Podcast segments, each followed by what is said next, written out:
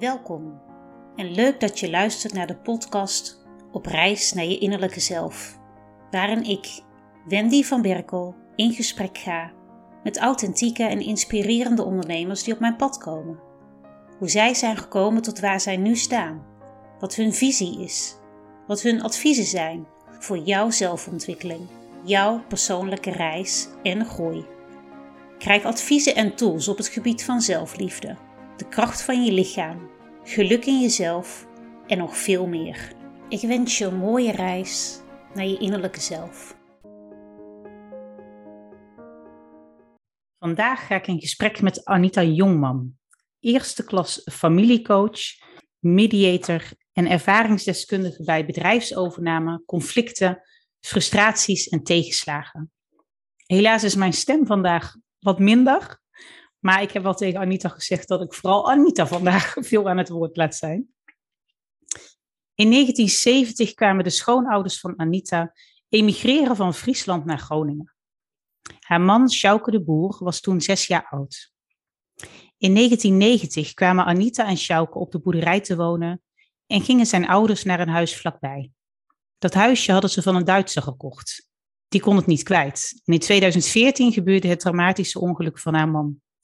Zij gingen verder zonder hem, zonder de vader van hun drie kinderen, zonder Anita's maatje, zonder de zoon van zijn ouders en zonder de broer van zijn zus en broers. Tot op de dag van vandaag speelt dat in hun leven. Vandaar het bijzondere dat Agnes, de oudste dochter van Anita en Sjouke, in 2012 school verliet om te leren wat haar vader al wist: boer zijn en boer blijven. Hessel en Esther, hun tweeling, hebben beide een baan en zijn nauw betrokken bij de boerderij. Anita als moeder, echtgenoot, schoondochter, schoonzus, heeft de uitdagende taak de boerderij te zien ontwikkelen in deze bizarre tijd van veranderingen. Zij gaan voor nostalgie, dierenliefde en met beide benen op de grond. Zij willen en blijven boer op die prachtige plek. Met hun 60 koeien die voor het hoofdinkomen zorgen. Anita heeft haar prachtige vak als adviseur weer op mogen pakken. Dat was haar passie voor het ongeluk en dat is het nog steeds. Haar vak als mediator, coach, kan zij alleen maar uitoefenen door het bestaan van dit bedrijf. Anita's passie is de boerderij en daar komt haar vak als coach en mediator bij. Het is een combi die zij eigen heeft mogen maken. Zij voelt zich erg dankbaar wanneer mensen blij zijn met, met, wat ze hen kunnen geven. En het is dan ook haar overtuiging en ervaring dat je meer uit je leven kunt halen wanneer je het gevoel hebt dat er iets niet klopt, dat er iets beter kan, dat er een probleem is dat je wilt oplossen. Welkom Anita in mijn podcast. Nou, dankjewel. Ik zit hier al bijna met tranen. Ja. Pas. Wat heb jij goed onderzoek gedaan van wie ik ben? Ja. Dankjewel. Ja, het is niet zomaar een verhaal natuurlijk. Nee, nee, het is echt niet zomaar een verhaal. Nee. Maar wel Heel- ja. in een notendop hoe jij bent gekomen tot waar je nu staat. ja, zeker weten. Ja, en dan heb ik jou uitgenodigd voor mijn podcast op reis naar je innerlijke zelf. Maar welke rol speelt persoonlijke ontwikkeling voor jou de afgelopen jaren? Ja, persoonlijke ontwikkeling is denk ik eh, is, is ehm, eigenlijk altijd al een beetje mijn hoofddoel geweest. En na het ongeluk van mijn man was dat natuurlijk helemaal. ehm, wie ben ik? Eh, als je zonder je maatje verder gaat. En het was niet eh, het familiebedrijf van mijn ouders, maar van zijn ouders, dus van zijn familie. Dus dat is natuurlijk ook wel een heel groot verschil.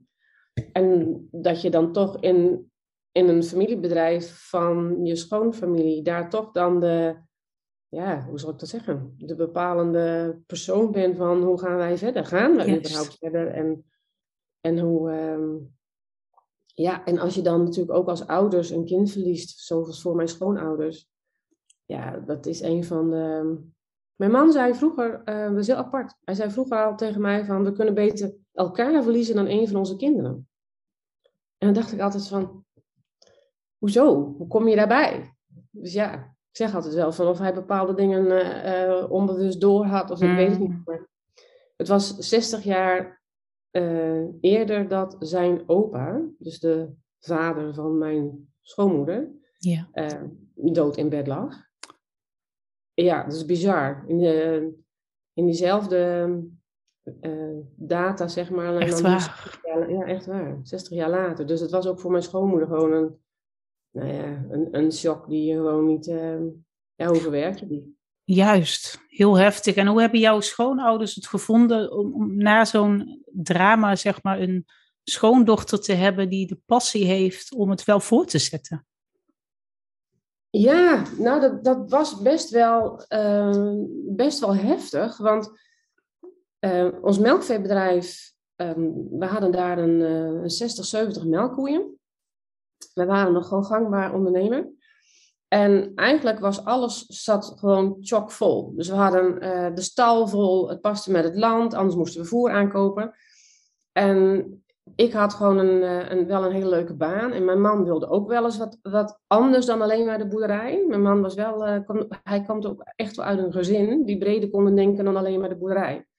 Hij komt niet uit een gezin, zeg maar, dat alleen maar boer zijn het einde van de wereld was. Er was meer. En, is ook wel dus- echt een ondernemer eigenlijk. ja, Ja. ja. En ehm, dus toen zijn wij eh, daar eens over na gaan denken. En vlak bij onze boerderij eh, stond de, de boerderij van een collega van mij. Van ons, van jou en mij. En die had een nieuwe stal gebouwd waar onze koeien precies bij in konden. Dus wij zijn in gesprek gegaan en ehm, eigenlijk tot de conclusie gekomen dat wij best met eh, drie ondernemers verder konden. En dat dan onze melkkoeien naar de buurman gingen en het jongvee, wat nog niet aan de melk was, kwam dan bij ons op de boerderij. En dan ging mijn man zeg maar daarheen te melken en wat meer werken. En dan was het efficiënter, konden we meer sociale dingen doen. En kon hij ook mij in mijn adviesbureau eh, helpen. Want hij was bedrijfsleider geweest eh, op een bedrijf van familie van ons. Om daar te zorgen dat er waren wat problemen in de maatschap. En hij vond het heel erg eh, dankbaar werk om te doen. Dus zo ging er eigenlijk in een heel snel tempo veranderden er heel veel dingen. En 1 mei 2004 zouden wij de maatschapsakte tekenen met de buurman. Mhm. En 29 april 2004 verongelukte hij. Oh, Ja, en toen was nog, ja, wat ga ik doen? En, en ehm, ja, ga je, ga je verder of ga je niet verder? En toen heb ik samen met mijn collega, eh, dat is Eddie van Wijk, heb ik dus toen wel besloten van nou, we gaan een handtekening zetten onder die maatschap en we kunnen altijd weer uit elkaar. Maar we gaan, we gaan het wel was- aan. Dat is ook wat, wat hij had gewild. Ja, en, en ehm, ja, ik heb natuurlijk ook drie kleine kinderen. De tweeling eh, was negen en eh, de oudste was elf. Dus ja, het was natuurlijk ook een, ehm, een ja, was best lastig. Je moet en wil je gewoon zorgen dat de boerderij, zeg maar, ehm, door kon draaien. Je kinderen grootbracht. En we hadden, eh, mijn man en ik hadden een afspraak gemaakt van, dat hadden we ook allemaal besproken. Van stel dat als mijn man kwam te overlijden, of stel als ik kwam te overlijden. En als eh, ik kwam te overlijden, dan was er een verzekering dat mijn man twee jaar zeg maar, bij de kinderen kon zijn. En dat er een medewerker de boerderij deed, dat werd dan betaald. En andersom was het ook zo. Eh, als mijn man kwam te overlijden, had ik een verzekering dat ik dan eh, een eh, bedrijfs, nou, een hulp zeg maar, kon betalen. En dan twee jaar na kon denken of ik überhaupt het zag zitten om de boerderij zeg maar, voor te zetten. Hij zei, dan hoeft Goed het om nooit dat, om dat zo te regelen ook. Hè? Want vaak denken we, van, denken we dat dat heel ver van ons af ligt. Ja. En dan kom je erachter dat dat niet zo is. Ja. Klopt. En dat is een. dus dat, dat hadden we achter de hand. En toen gebeurde dus het ongeluk. En ehm, dus ik wist wel dat ik het financieel wel eerst redde. Dat was het probleem niet. Maar ja, ik moest natuurlijk wel bedenken van eh, hoe ga ik het dan doen? Ja. Nou, doordat eh Eddie ook zei van nou we gaan het gewoon samen, eh, gaan we de maatschap aan, hebben we dat dus gedaan. Maar het is in de agrarische sector best wel een hele stap als twee bedrijven samen gaan. En het was ook voor mijn schoonouders best wel een hele moeilijke stap dat de koeien van onze boerderij weggingen. En toen ging het eigenlijk ook nog een beetje samen met dat hun zoon was overleden. En de koeien gingen naar het andere bedrijf. Dus dat, dat is een hele heftige periode geweest. Maar ik, ja, ik was wel echt. Dus ik had echt wel zoiets van: het is wel wat ik wil. Dat, wij dat, dat we dat deden. En, eh, dus dat, ja. Maar het is niet makkelijk geweest voor mijn schoonouders. Nee. Niet dat zij nog in het bedrijf zaten, maar dat, ja, het is, zij waren in 1970 geëmigreerd. Ik noem het maar Juist. emigreren. Hè, Ja, ja. Ja, Met trekkers en wagens en eh, hè, dat, je gewoon even van Franeker naar Leens ging verhuizen. Ja, dat was niet naast de deur.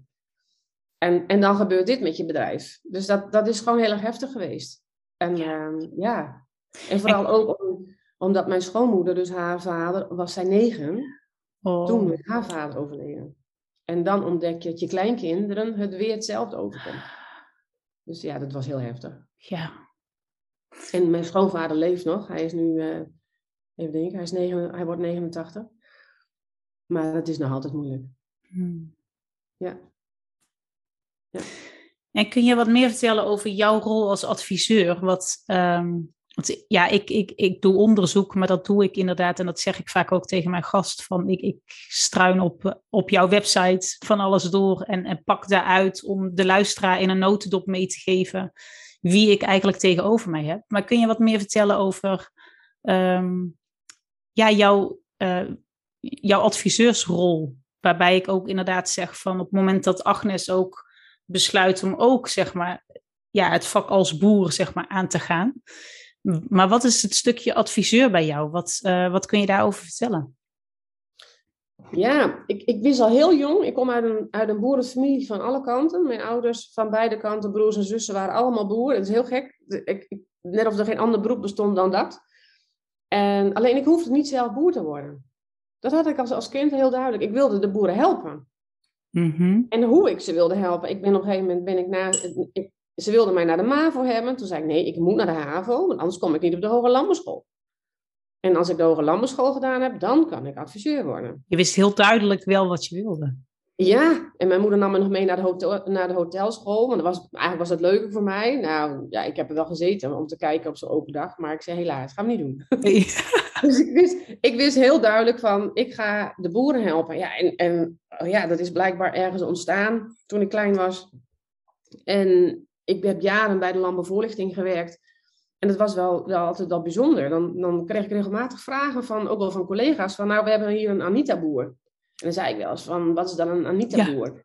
Ja. wij weten niet zo goed hoe we het daarop kunnen lossen. En dan dacht ik van, nou, oké, nou. Dus dan ging ik altijd opgetogen, leuk. Ik ga ergens heen en eh, die mensen, daar kan ik wat, wat voor betekenen. Mhm. En dan, ja, dan vond ik het eigenlijk ook nooit zo heel erg ingewikkeld. Want dan had ik zoiets van, die mensen konden gewoon heel goed vertellen wat hun probleem was. En waar ze tegenaan liepen en waar ze dus hulp bij nodig hadden. En wat En- voor dingen kwam je dan tegen? Nou, dat je bijvoorbeeld ehm, ehm, ingewikkelde gesprekken over hoe het dan op het bedrijf loopt en hoe je moet samenwerken met anderen. En nou, dat er een, een conflict is en hoe je dat dan bespreekt. Maar ook wel met bijvoorbeeld een vertegenwoordiger op een, op een bedrijf. Dat ze dan zeiden van ja, hoe komen we, eh, we willen een andere keuze maken. En eigenlijk waren het eigenlijk altijd persoonlijke dingen. Nooit eigenlijk van ehm, ik moet een stal bouwen en ik weet niet welke. Mhm. Daar hadden we genoeg technische mensen voor. Het was eigenlijk altijd van ik loop ergens in vast en ik weet eigenlijk niet goed hoe ik het nou moet oplossen en Ja. hoe ik verder moet gaan. Ja, dat vond ik machtig. Dat vond ik altijd, dat vond ik gewoon echt interessant. En als je daar dan heerlijk met die mensen over kon praten en iedereen mag alles op tafel leggen, dan heb je heel vaak, ehm, nou misschien herken je het zelf wel eens, dan heb je, zit je ergens over na te denken en dan ga je iemand opbellen en dan ga je het verhaal vertellen en dan denk je later, oh, en dan komt er ineens de oplossing. Gewoon omdat je iemand opgebeld hebt en dat je zegt, ik moet het even met je delen. Juist, ja. Zo moet je eigenlijk een beetje zien. Dat je, je creëert een probleem in je hoofd. En dan denk je, hoe kom ik daar weer vanaf? En als je alleen maar in jezelf blijft, rondjes draaien. Maar dat dan is, zo werkt het echt, ja. Ja. Ja. En dan eh, vroegen ze mij voor, nou, hoe gaan we dat eh, bekijken? Of hoe, ehm, Ja, dat is wel Ja. mooi dat je dit even benoemt, want dat vind ik misschien wel leuk voor, eh, voor onze luisteraars. ja. Ehm, jij hebt al ooit eerder ook gezegd, eh, wij kennen elkaar nu, wat is het? Eh, ik denk zo'n drie kwart jaar, denk ik nu. In juli 2021 hebben we elkaar leren kennen. ja. Via de Podcast Masters Academy. Allebei inderdaad de ambitie om een eigen podcast op te gaan zetten. Ja. En wij spreken elkaar sinds juli 2021 iedere week. En Ja. sinds kort zelfs eigenlijk ook vaker. En Ja. wat jij laat zei was, ja, maar dat komt door de Formule 2. En die vind ik wel, het is inderdaad wanneer jij zelf tegen dingen aan blijft lopen. Want wij hebben inmiddels ook een samenwerking gestart. En we gaan nog heel veel mooie dingen samen doen. En ehm, vaak is het inderdaad, als je zelf ergens ja, als je een probleem ziet, het is goed dat iemand anders vanuit zijn of haar perspectief daar ook naar kan kijken. Ja, en, en wat wij natuurlijk in onze samenwerking gewoon heel krachtig hebben, is dat we altijd weer tegen elkaar durven te zeggen van, hè, weet je zeker dat dit bij jou past? Ja.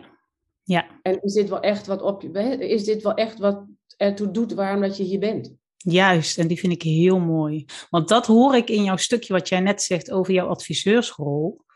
Ehm, eigenlijk tweeledig. Aan de ene kant is het heel erg van nature van jou, van jij hoeft hier niet hard voor te werken om die boeren te helpen, maar je helpt inmiddels meer dan alleen boeren. Maar zo is het dus wel begonnen. Ja. En twee, van wat heb jij inderdaad in deze wereld te zetten? Wat is jouw missie?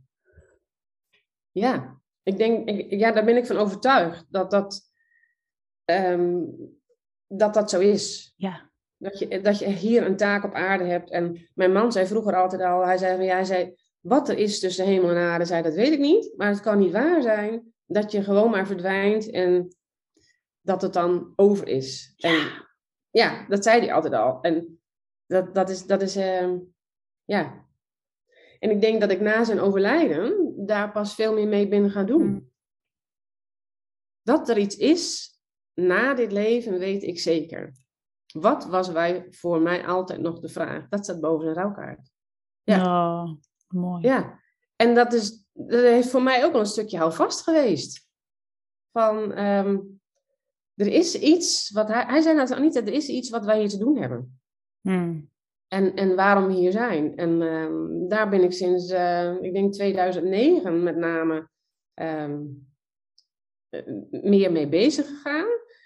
En ook al een beetje vanuit voor mijzelf, want ik heb natuurlijk ook angsten gekend en die ken ik nog wel. Ik kan wel zeggen dat ik ze niet heb, maar ik ben ook maar gewoon. Mhm. ook gewoon een mens, ja. ja. Ik ben ook gewoon een mens. En door het, ik had nooit nagedacht, voordat mijn man verongelukte, dat ik überhaupt ooit alleen met de kinderen door het leven zou gaan. Dat is gewoon nooit in mijn hoofd opgekomen. En ik heb ook nooit verwacht dat ik mijn man door een ongeluk zou verliezen. Want hij was altijd ehm, kundig in dingen. Hij dacht over dingen na. Hij deed geen onvoorspelbare... Hm, heel verantwoordelijk. Ja, heel verantwoordelijk. Hij, hij leerde mij ook... Ik had de hoogte... Dat heb ik nog, wat minder, maar ik heb hoogtevrees. En Hessel, onze jongste... Ik weet nog dat wij een huis aan het bouwen waren. Toen was onze Hessel was zes. En ehm, dat hij dat ehm, tegen Hessel zei... Dan van, mocht hij ook gewoon de steiger opklimmen, negen meter hoog.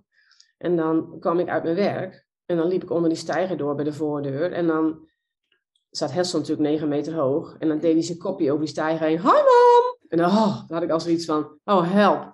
Ja. En dan liep ik onder die steiger door naar binnen. En dan zei ik, ja hallo, ik ben er. En dan keek ik maar niet. En wat deed het aapje dan? En dan race die aan de zijkant van die steiger, negen meter, in één keer zo naar beneden. En dan vond hij dat natuurlijk prachtig. Zo van, hallo. oh, en dan had ik natuurlijk al een knoop in mijn buik. Maar mijn man heeft mij geleerd van, weet je, dat moet je loslaten. Want als je dat niet vertrouwt dat jouw kind dat kan, dan leert hij het nooit. Ja, ja. En het is mijn vertrouwen dat ik dat gewoon hem kan leren en dat hij niet valt. Juist. Ja, een uitdaging in mijn leven. Ja, sowieso het stukje loslaten in opvoeding. Ja, maar ik heb het wel, um, ik heb het wel gekund. En daar ben ik nog steeds, uh, tot op de dag van vandaag ben ik daar wel, uh, wel best een beetje trots op mezelf dat ik dat kon. Want het was een hele lastige opgave. Hessel die ging als, dat is wel een leuk verhaal. Hessel ging als jongetje naar de gymnastiek, was hij vier. En dan had hij van Sjouke had hij touwklimmen geleerd, met zijn voetjes zo, een knupper in. En oh, dan kon hij met touwklimmen, nou ik weet niet hoe hoog onze sporthal is, het is een hoge sporthal. En dan gingen ze een uh, tikkertje doen, apenkooi. En wat deed hij dan? Race hij gelijk in de touw en ging hij boven aan het plafond zitten. Voetjes over elkaar, niemand kon hem tikken. en de juf die zei dan van, Jessel, je moet echt naar beneden komen. Nou dacht Jessel, je haalt me maar, dat doe je toch niet. En toen kwam de juf bij mij en toen zegt ze van, Anita, wil je nou Hessel naar beneden halen? Ik scheid zeven kleuren. dus dacht ik, oh, dan moet ik even zoiets doen dat Hessel niet bang wordt, weet je wel. Dus ik naar Hessel toe, naar de touw. En toen stond ik onder hem. Uh, en toen zei ik tegen ik zei, Hessel... Ik zei, mama weet dat, het, dat je daar prima zit en dat je niet naar beneden valt. Maar juf schijnt zeven kleuren omdat je het wel gaat doen. Ik zei, daar kan ik niks aan doen. Soef, en dat was beneden. Kijk, ja. Ja, hij denkt, nee, dat ga ik juf niet aandoen. Juist. Maar goed, doordat Selke dat zo duidelijk gezegd had, wist ik wel, ik moet niet tegen hem zeggen van, juf is bang dat je valt en misschien val je wel. Nee, nee. Uh, juf heeft er last van, kan juf niks aan doen. Ja. Maar ik heb er alle vertrouwen in dat je daar zit. Juist, ja. Beneden. ja. En ik denk dat dat iets is wat, ja, dat leeft natuurlijk nog altijd voort in onze hele familie. Hè? Van, als je maar vertrouwen hebt in uh, wat je je kinderen kunt leren en wat ze kunnen doen, ja, dan, dat, is, dat is fantastisch. Ja. ja. Ja. Dat zijn hele mooie dingen. Dus dat is uh, Mooi. En, en kunnen wij het eens hebben over, want ik noemde dat net even tussen neus en lippen door van, het is niet alleen boeren die je op dit moment helpt. Kun je wat meer vertellen wat jij nu op dit moment uh, doet en wat voor, ja, ik noem het maar even, toch een methode die jij gebruikt? Ja, het is heel bijzonder dat ik um, eigenlijk, het maakt niet uit wat je doet. Ik heb wel, ik heb wel een bouwvakker geholpen. Ik heb wel iemand die gewoon in de verpleging zit. Ik heb um, uh, vrachtwagenchauffeur. Mm -hmm. eigenlijk maakt het nu gewoon helemaal niet meer uit in mijn werk van uh, of je boer bent of niet. Dat heb ik helemaal mogen loslaten. En het gaat nu eigenlijk meer om, um, wil je zelf iets doen met je eigen leven? Juist. En ben je bereid om iemand um, het vertrouwen te geven dat je zegt van, goh Anita, ik kom regelmatig um, dezelfde problemen in mijn leven tegen en ik weet niet hoe dat is, maar ik wil ze opgelost hebben, ik wil er vanaf. Dus eigenlijk is de, mijn, um, mijn klanten die nu bij mij komen, die zeggen heel duidelijk van, Anita, kun jij mij uh, leren uh, hoe ik met bepaalde patronen in mijn leven om kan gaan? En dat het niet meer voor mij een probleem is, maar dat het een uitdaging wordt. Kun je ook uitleggen hoe jij naar patronen kijkt? Ik kijk um, heel sterk naar de familiegeschiedenis. En eigenlijk kan ik al, als je een gesprek met mij hebt, kan ik al in de, in de eerste drie zinnen die je aan mij vertelt, kan ik eigenlijk al jouw kernprobleem halen. Dat is heel bijzonder. En dan weet ik ongeveer de kern wat je met mij zou willen delen. En dan ga ik dat aan je uitleggen aan de hand van mijn eigen thesevies. Ik heb je, um, uh, hoe zal ik dat zo zeggen? Ik doe het online of ik doe het gewoon, je kunt bij me langskomen. Mhm. En dan pakken we alles erbij wat op dat moment op tafel staat. Um, ik gebruik theepotten, kopjes en alles. En aan de hand van de thesevies gaan we um, iedereen een naam geven. Voor het probleem dat jij op dat moment met mij zou willen bespreken. Dus als het bijvoorbeeld gaat over, ik heb een, um, um, een collega op mijn werk. En daar heb ik gewoon een probleem mee. En iedere keer als die collega iets wil doen, dan raak ik daarvan in de stress. Dat zou bijvoorbeeld kunnen. En het bijzondere is dat ik dat aan jou dan kan laten zien aan de hand van de theepot, de kopjes. En dan gaan wij iedereen benoemen die op dat moment um, in jouw leven komen, of waar je aan herinnerd wordt. En dan gaan we kijken van hoe kun jij ervoor zorgen dat jouw theeservies, wat eerst heel erg onrustig is, dan gaan we kijken van waarom gaat bijvoorbeeld de theepot gaat rammelen en dan gaat de suikerpot, dat is, de, is je baas bijvoorbeeld. Um, Dit heb jij echt meegemaakt, hè? Dat, dat er inderdaad een theepot ging rammelen. Ja. Want jij zegt dit nu zo en dan denk je, een tepel die gaat rammelen, maar hoe, ja. zo? Ja, ik, het is heel bijzonder. Je, je, krijgt helemaal, je gaat helemaal in de energie van jouw vraagstuk, van jouw probleemstelling. En dan gaan we allebei samen gaan we er gewoon helemaal in. En op een gegeven moment kan ik net zo goed als jou, zeg maar, um, dan het werk zien van welke collega's je hebt en wat die, wat die met jou doen. Want dan gaat het om. Er is iets wat jou triggert, waarom ja. jij een probleem hebt met je collega. En ik zeg altijd van, als jij gaat wijzen naar iemand, dan uh, moet je naar jezelf kijken. Want als je de ander de schuld geeft van dat jij een rotdag had op je werk, dan komt dat omdat dat iets bij jou triggert. Ja. En als je blijft zeggen, ja, dan zoek ik maar een andere baan, want dan ben ik die collega kwijt. Nou, geheid bij de volgende baan heb je hem weer. Ja. En als je een volgende baan hebt, heb je hem ook weer. Totdat Ja, je zegt totdat je wat- aangaat. ja, en totdat je het durft te bekijken. Waarom heb ik dat, eh, datzelfde probleem, kom ik die steeds weer tegen? En waarom, als ik dat deel met een ander, zegt hij van, nou, ik weet niet wat voor probleem je met je Mhm. collega hebt, maar ik heb dat niet. En dan denk je, ja, hoe kan dat nou? En dat heeft echt iets te maken met je eigen, eh, wat, ja, waar jij gevoelig voor bent. Juist, waar jij op eh, triggert, zoals je het zelf ook zegt. Ja, Ja, en het mooie is dat ik dat aan de hand van ehm, de personen, eh, zeg maar, op het werk van, van die klant die het mij zou vragen. En dan laat ik dat in het thesevisie laat ik dat zien. Dan maak ik er ook foto's van. En dan zijn we bijvoorbeeld een maand verder of twee maanden verder. En dan gaan we hetzelfde thesevisie weer, weer spelen. Dus komen dezelfde personen weer in het Mhm. thesevies. En dan opeens gaat die theepot niet meer rammelen. Eh, hoeft hij niet meer lawaai te maken. En, en eh, het, het lijkt een beetje alsof die theepot uit zichzelf gaat rammelen. Maar het leuke is dat die klant van mij dan zelf aan die theepot gaat rammelen. Omdat dus die theepot, die vertegenwoordigt een bepaalde persoon. En, en die klant geeft dan die theepot dat, dat vermogen om dat hele theeservies te laten rammelen.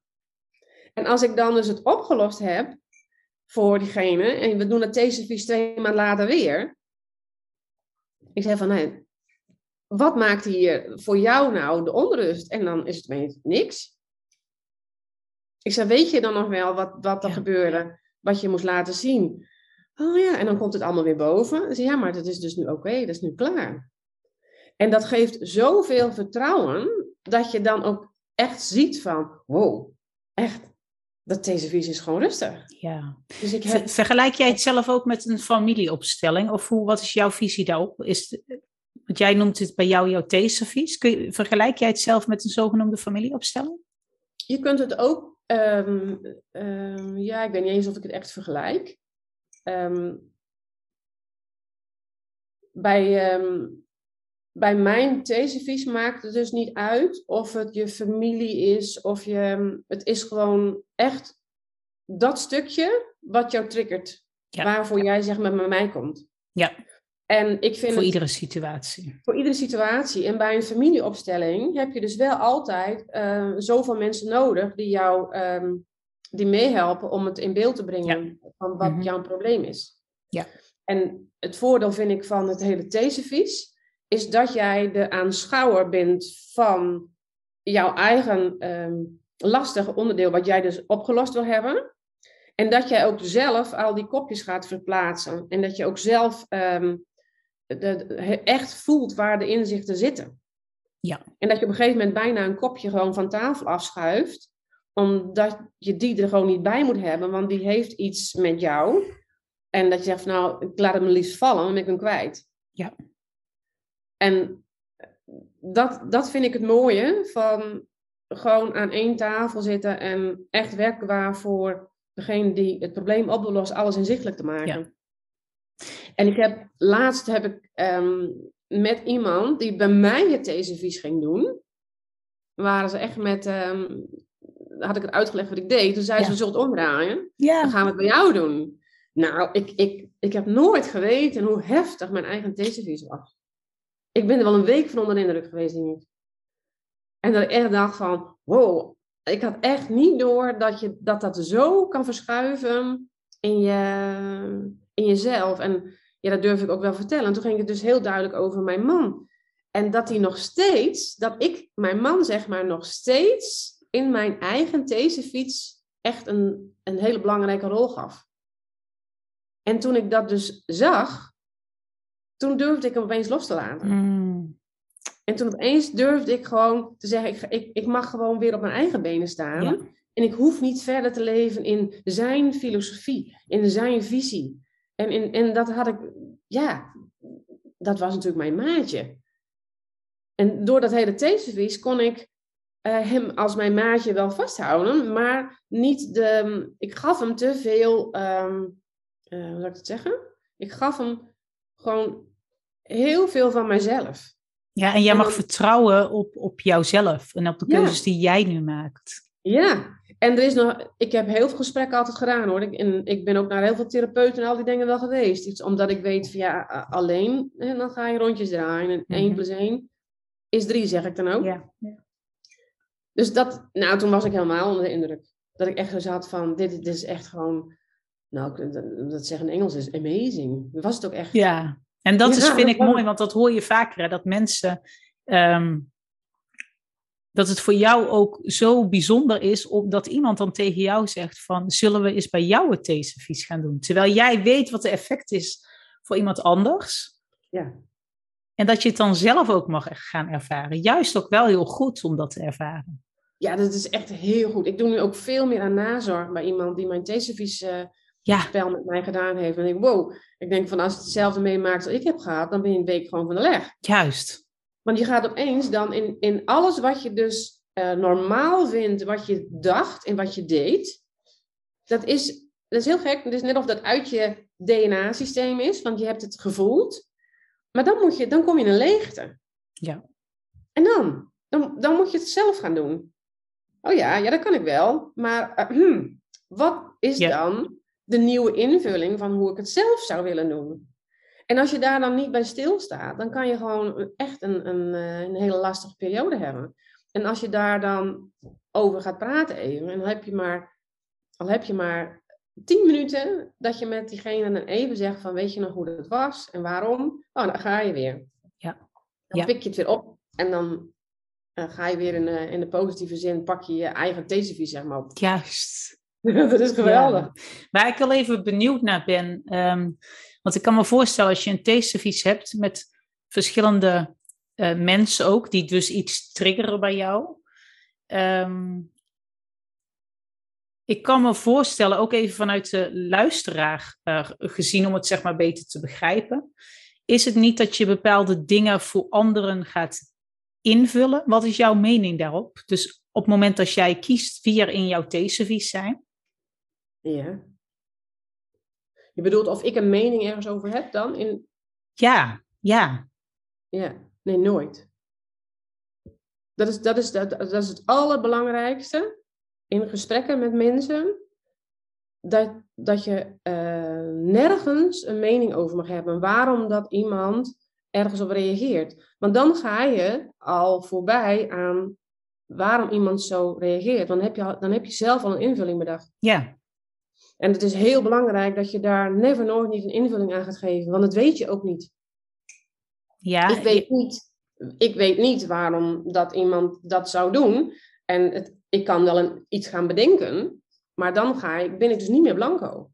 Nee, voor, voor jou gezien ja, maar stel dat, we gaan even als voorbeeld, ik heb het theeservies bij jou en ik zet mensen in het theeservies waarbij nu bij mij een situatie waarin iets in mij triggert. Ja. Die persoon die dan in het theeservies staat, ga ik dan niet invullen voor die ander Um, want je hebt, niet, je hebt niet die persoon zeg maar bij je. Snap je, snap je mijn... Ik snap hem, ja. ja. Of jij dan... Um, ja, maar het is dus voor mij juist zo belangrijk dat jij dan een mening hebt over die persoon in het theeservies.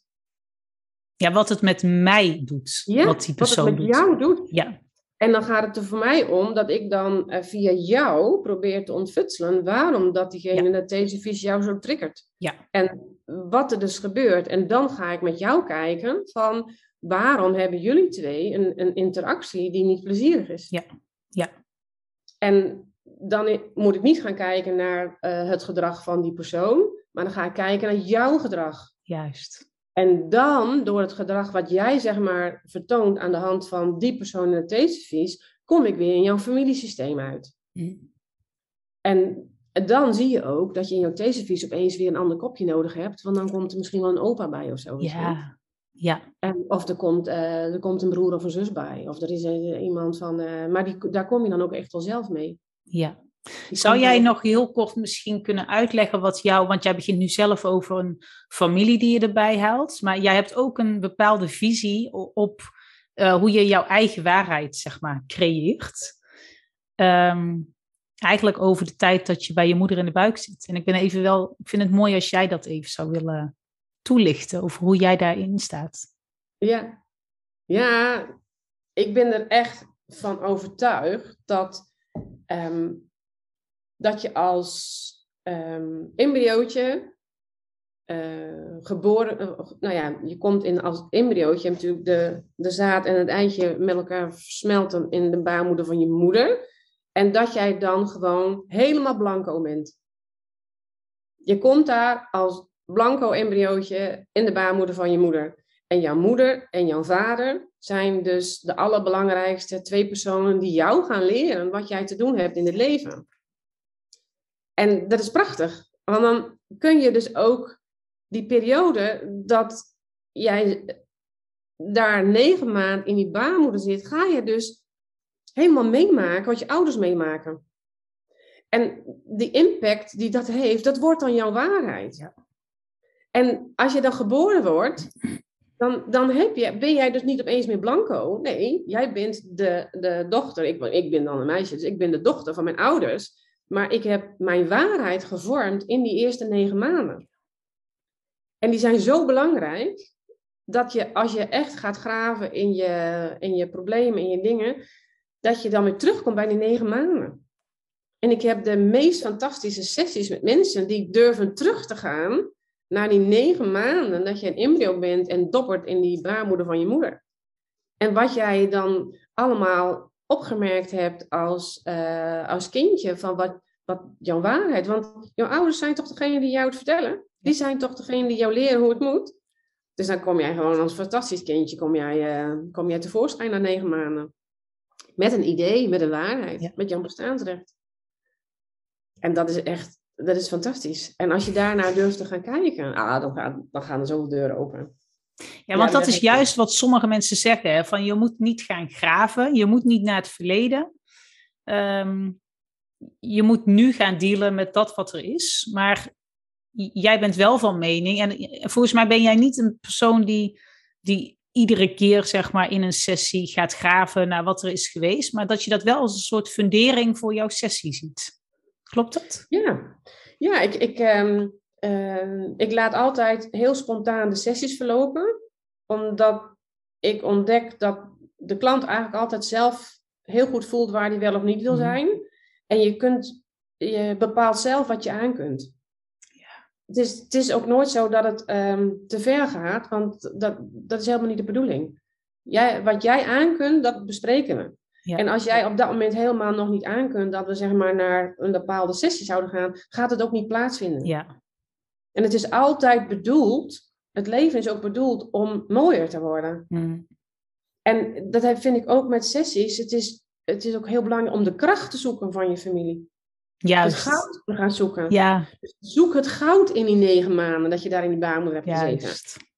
He, zoek de kracht die jij gekregen hebt om te doen in dit leven wat jij hebt te doen. Ja. En, en dat is fantastisch. Dat is, ja, en, en natuurlijk hoort daarbij dat je af en toe eens een keer dingen tegenkomt die vervelend zijn geweest en die misschien ook wel heel erg traumatisch, die ga je oplossen, omdat je dan beter bij je goud kunt komen. Juist, heel goed gezegd, ja. ja en dat vind ik het prachtig aan het ja. hele gebeuren. En wat ik ook nog wel een mooie vind, ik heb wel eens gesprekken met vriendinnen, dat we zeggen van ja, weet je, wij kunnen het nog zo goed willen proberen en doen voor onze kinderen. Maar onze kinderen gaan straks net als wij ook naar onze ouders kijken.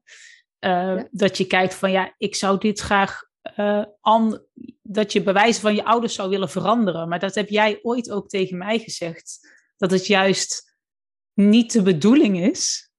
Want dat is de les die je als kind te leren hebt. Ja, je hebt heel bewust je ouders uitgekozen. Ja. Ben ik van overtuigd. En die wilden jou in jouw theeservies dus iets leren. Ja. En als je dus de instelling hebt om jouw ouders in de theeservies te gaan veranderen, zodat jij een makkelijker leven hebt, dan heb jij je levensles niet. Dan vind je het ja. goud niet. Juist, ja. Dat, dat is het prachtige van het hele... Um, en, en je mag dankbaar zijn als je het, het, uh, het goud uit je theeservies vindt. Want dan pas vind je rust in je theeservies. Ja. Want dan hoeft het niet meer te rammelen. En dan hoef je er niet meer, um, nou ja, soms als een olifant in een porseleinen uh, kastje zeg maar doorheen te lopen. Mm, want Goed, juist. Het werkt niet. Ja, prima metafoor voor dit, uh, voor jouw stukje. Ja, is zo mooi. Ja, ja dus dat is, dat is fantastisch. Het is soms heel goed hoor, als een, uh, als een olifijn door zijn porseleinen kastje heen te gaan en duidelijk te maken van uh, ik heb ergens een probleem mee en ik weet niet waar die zit. Daar is niks mis mee. Maar de bedoeling is dat je op zoek gaat naar je goud. Ja, ja. En dat je je kracht vindt en dat je gaat kijken van, goh, wat heb ik hier dan toch allemaal te doen en waar haal ik de energie vandaan en het goud en de kracht en de, ja, dat is fantastisch. Mooi. En als er nu een luisteraar aan het luisteren is die denkt,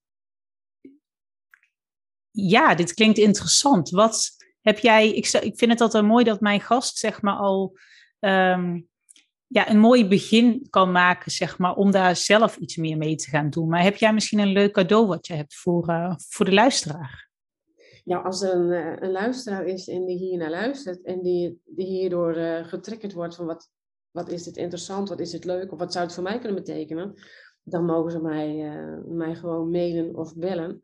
En ehm, dan heb ik gewoon een gratis gesprek met ze. En dan, uh, ga ik ze het uitleggen wat ik doe. En dan kunnen we ook een stukje ervaren. Ik, uh, helemaal prima, want dat is natuurlijk het allerbelangrijkste.